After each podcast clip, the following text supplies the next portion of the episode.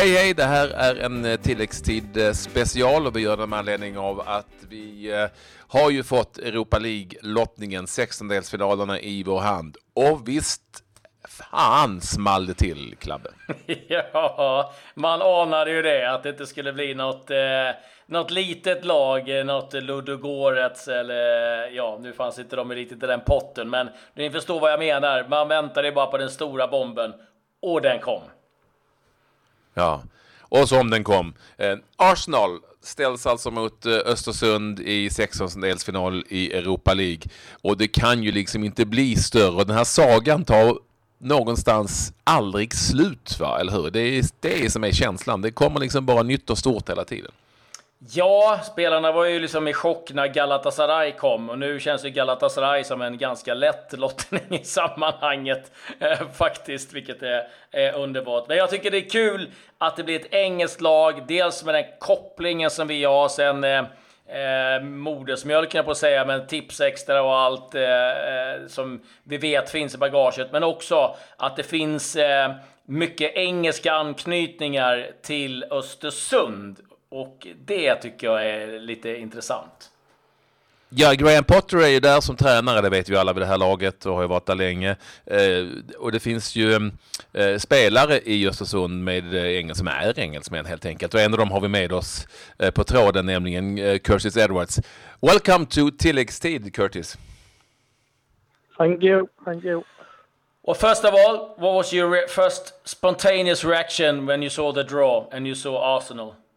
Uh, it was it was like a dream, really, to uh, be, uh, get the chance to go back to England and play there, and probably one of the biggest clubs left in the competition. So it was it was amazing when the draw came through.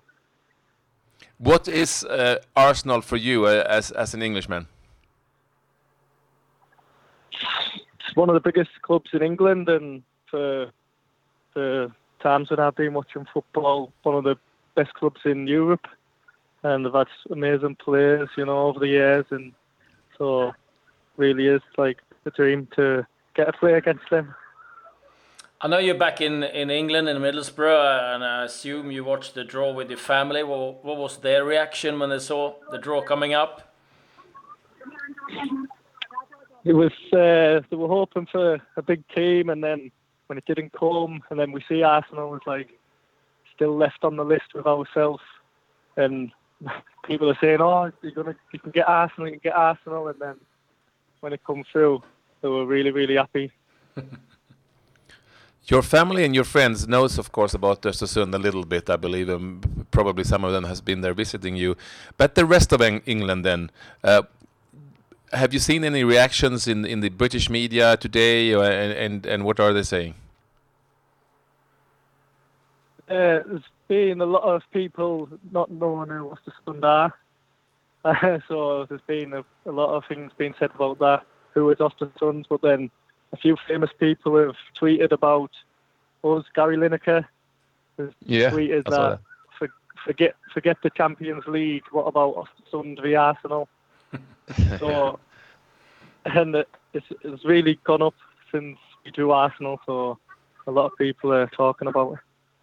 I saw actually a funny, uh, a, a, quite interesting fact in one of the English papers. It's like, like uh, when when Arsene Wenger took over Arsenal '96, Östersund didn't even exist as a club. Yeah, I seen uh, there was a tweet saying Arsene Wenger has been in charge of Arsenal 30 days longer than Östersund has existed. yeah. So it's crazy, it really is. Uh, for you, I believe it's um, as you said, it's about a, it's a dream come true. But for you as a player, and you you haven't been uh, on a very big professional um, uh, niveau before, uh, and now to play Arsenal. Uh, at their home ground in England in a European Cup, it has to be something well if we're talking about dreams it has to be something that you even could you never even thought about in your wildest fantasies or am i uh, totally lost here no like as you say like for me personally one and a half year ago i was playing division three Södra Norrland in Sweden, and now I'm going to be playing at the Emirates. So I could never afford this one year and a half ago. But so that's why it's a dream for me, to be honest. So personally, I could never have thought about this. Uh, it's been the last one year and a half. I mean, it's, it's, it's I mean, obviously you, uh, you got Hopcutt and you got um, Graham Potter. I mean, uh, have you talked about it uh, prior to the draw that I wish for English team, or uh, did you just be quiet about it, or? No, we we haven't really spoke about it. You know, in, but in Östersund, I think I could say 30% of the players, the Swedish players, they all support Arsenal too. so Yeah. that's that's the crazy thing. Uh, every time we watch in the Premier League on the away matches on the weekends, they're all, everyone has given them a bit of stick because Arsenal haven't been too good so far in the Premier League. So yeah, but for them as well, and for me, Jamie, Graham, I think it's massive for a lot of some. Curtis, could you tell us a, your story, so to say? I mean, you played for, for lower division teams in England, and you traveled to Sweden. Um, uh, to be fair, it was a Swedish team. Some people in Sweden would never even have heard about Ytterhogdal in in the third Swedish division. Why did you move to Sweden?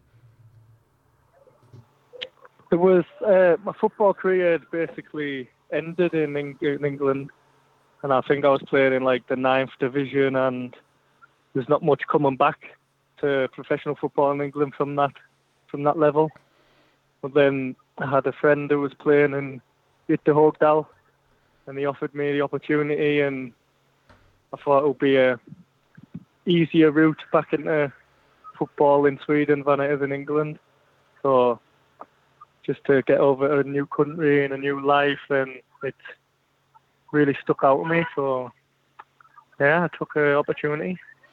Oh, you played um, your academy years uh, in Middlesbrough, and then you went to Darlington, then Thornaby, Spennymoor Town. Yeah. Um, I mean, well, wow, Spennymoor Town. You heard about them before? we talk about non-league football. Uh, people who never played non-league football. Can you describe how it is? I mean, people think it's maybe some bad tackles in, in championship. Yeah, it's it's it's rough. It's a physical game. Uh, there's not much. Uh, as I like to play football, the passing and also you know the technical side of the game. It's not so much. It's just long balls, long throw-ins, crossing into the box from the defence, and it's not how I've been brought up at Middlesbrough to play football. So it was a, when I was playing in that level, it was really tough for me. And then, yeah, so that's why I'm lucky that Östersund we like to play football how someone to say the right way, you know. Mm. But it's re- Uh, lower level in England. It's really difficult, you know. He he was uh, Graham's assistant coach. Uh, the guy I don't re- I don't even know uh, what language he speaks, but he's from Scotland. Brian Wake, who uh, who um, yeah who saw you in in in um, in this team Division Three team in Sweden and took you to Östersund.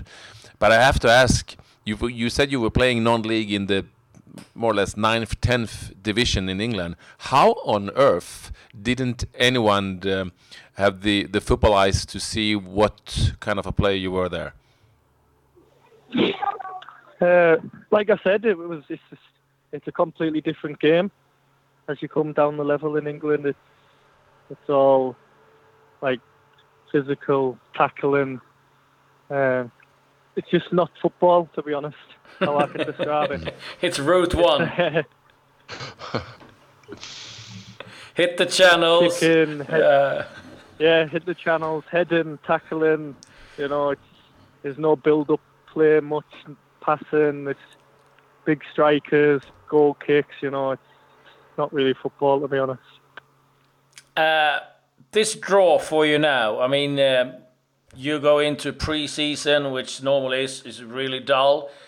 It must be quite easy to to to to start practicing and start doing all the build-up for for the season now. Yeah, uh, I think it's good we can get a break because it's been you know, a really long season. Uh, hopefully, Arsenal it'll be a really tough period for them, but we'll be really fresh, and I think it can be a good thing. Uh, You've done. really Yeah, have you had? Sorry, Curtis. You had you had a s- sensational road already in the European uh, competition here. Um, honestly, uh, would you say, like most of the, of the people would say, probably in Östersund, because they believe in the team, that you have a fair chance to beat uh, uh, Arsenal? I think I think when they come to Sweden, I think we have a really good chance. You know, adapting to the weather. They have Premier League game three days before. Uh, I don't know how uh, their manager's going to approach the game, but I think we can be really com- like really, really excited and confident that we can get a good result at home, and then that'll be a good basis for the second game in England. So we have to. We've been confident in all of the games, so we have to be that again, definitely. Sometimes I wonder if Wenger has been uh, waiting for this draw because he's been wearing this big coat for so many years, and finally he's gonna have, he's gonna have to use it uh, when it comes to Östersund. It's gonna come. a- Yeah, yeah. It's gonna come a good use in uh, in Sweden, not the sun. I think he's, he will never have felt weather like this before. Uh, Have you get have you uh, have you got any friends or or or maybe do you support Arsenal yourself or do you have any friends that does it? uh, not, not none of my close friends really support Arsenal, but you know, already only a few hours after the draw now, we've had so many people that uh, want to come to London and watch. And they've all, to be honest, everyone in Middlesbrough's took. They, they all know about Östersund now, so they're really excited to come and go down to London for the and watch the game. Ah, it's unbelievable, and I assume you're gonna watch every game Arsenal play now. Yeah, I'm going to study them like never before. but yeah, yeah, definitely, definitely. Uh, brilliant. Lovely, Curtis. Uh, they, you probably will have the, some um, some British or English uh, newspapers calling you now because now uh, you are uh, a name soon to be um, way away from the ninth division uh, that you played for in England before. So I mean, everything is everything is amazing, isn't it? Yeah, like I say, it's all doesn't seem real, and just sometimes you have to pinch yourself a little because I never expected this to happen, but really enjoying it and feel really lucky to be honest. Uh, it's brilliant, Curtis. Uh, an early pres- uh, Christmas uh, present you got there uh, on the draw uh, with with uh, with Arsenal. Uh, have a great Christmas. Take care and uh, enjoy the break now. Thank you, same to you, same to you. Thank you, much, Curtis. Bye bye. Bye. Take care. Hey, Take bye care. bye now. Bye. Alltså ja du Claes, det går ju inte att komma ifrån eh, den här storyn. Han, han spelar i, du har ju spelat i de där ligorna. Jag tror till och med att du Ja, jag har gjort högre upp, högre upp i divisionerna. Ja, ja jag, var, jag var högre. Jag, jag var ja, men typ eh, sjätte, sjunde där, någon lig. Men det är som man säger, det är, så, det är 100 kilometer i timmen och det är bara eh, slå ner den. För att om du inte gör det, om du kladdar på bollen, då, då ryker benen. Det är alltså tacklingar som inte är av denna värld. Jag åkte på min första och det var, det var dobbar rakt in i smalbenen. Och jag fick inte ens en frispark. Jag skrek på domaren liksom, han bara “For what?” Och det är då man förstår liksom, att okej, det, här, det här är något helt annat. Eh, och jag vet Kåmark sa någon gång när jag mötte något sån här grev, grevskapsmästerskap som det är ibland. Eh, så att han sa liksom, det, du får frispark när det är benbrott, det är ungefär den nivån. Så att när han då vill spela fotboll, jag förstår att han inte har någon chans att att, att, att se liksom, att någon kan upptäcka honom. Eh, sen skulle jag säga att det är, det är engelsk fotboll som, i bredden. Det är ju där den har sin styrka. Liksom. Jag, det var spelare som, jag menar, Kenny Pavey spelade någon League och han har ändå spelat allsvenskan också sen. Så att det, det finns många, många spelare som är väldigt duktiga, som är fostrade typ som Curtis i Middlesbrough eller eh, Arsenal, United och alla de här. Och så sen då sippra ner eh, i de lägre divisionerna. Så att, eh, ja, det, det är häftigt och det är, liksom, det är klart att det är så coolt för, för de tre engelsmännen att få eh, komma till Emirates och spela mot, mot Arsenal. Det blir något att se fram emot för dem. Ja. Och jag gillar också grejen att det var, för menar, det var ju inte Han åkte ju till super... Det var ju Ytterhogdal i, i, eh, i division 3. Nej, men det är ju inte... Det är, förstår du vad jag menar? Det är som han, som han har sagt, han trodde att karriären var över. Nu ska han hitta på något annat. Han tyckte det var lite kul att åka dit. Och, och ett och ett halvt år senare så, så sitter han hemma i England på semestern och ser att hans lag som han spelar i ska möta Arsenal på Emirates i eh, Europa League-tävlingar. Det är på något vis bara dröm på dröm på dröm. Det, det är en fantastisk story och eh, en sån man skulle kunna göra en film om eh, i stort sett. Ja, Eh, ah, nej, det, det, det, är helt otroligt och det är häftigt. Och jag tror att jag såg någonstans att emellan Östersund så ska Arsenal möta eh, Manchester City och Tottenham. Så att de får dem ju också i ett ypperligt läge där det är väldigt mycket fokus på annat. Framförallt den här Tottenham-matchen kommer eh, dra energi ur eh, Arsenal-spelarna, för den, den kommer de lägga enormt fokus på. Och hela Östersund kan ju dra till Emirates och få plats. Det är det som är så häftigt också. Alla får plats. Då pratar vi alla i Östersund. Får, alla får plats. Ja, Wassberg och gänget får ta båten den här gången. Jag gillar det. Uh, ja, underbart, underbart. Missa inte våra, våra ordinarie sändningar från tilläggstid. Det här var en tilläggs special med Curtis Airbus eftersom det är att eh, Europa League-lottningen eh, blivit klar. Och Östersund ställs nu alltså mot Arsenal i sextondelsfinal i eh, denna tävling. Matcherna går i februari då det är svalt och skönt i Östersund, det kan jag lova. Och det är inte ens säkert att de kan spela där om det är för kallt. Det är ju många nu som redan skriker, har jag sett på sociala medier, om att man ska lägga matchen på Tele2 för att de kommer att fylla den arenan också. Det, arenan i Östersund, Jämtkraft, har ju bara 10 000. Men det får bli en senare story. Ja, det, det är så att, att Kindberg har uttalat sig, då får ni skjuta mig. Den matchen ska spelas där uppe. Det, det är kylan som kommer att avgöra, inte, annars så kommer han eh, eh inte eh, flytta den. Inte för ekonomi i varje fall. Så att, eh, och det gillar vi. Med det säger vi, det vi. tack och hej.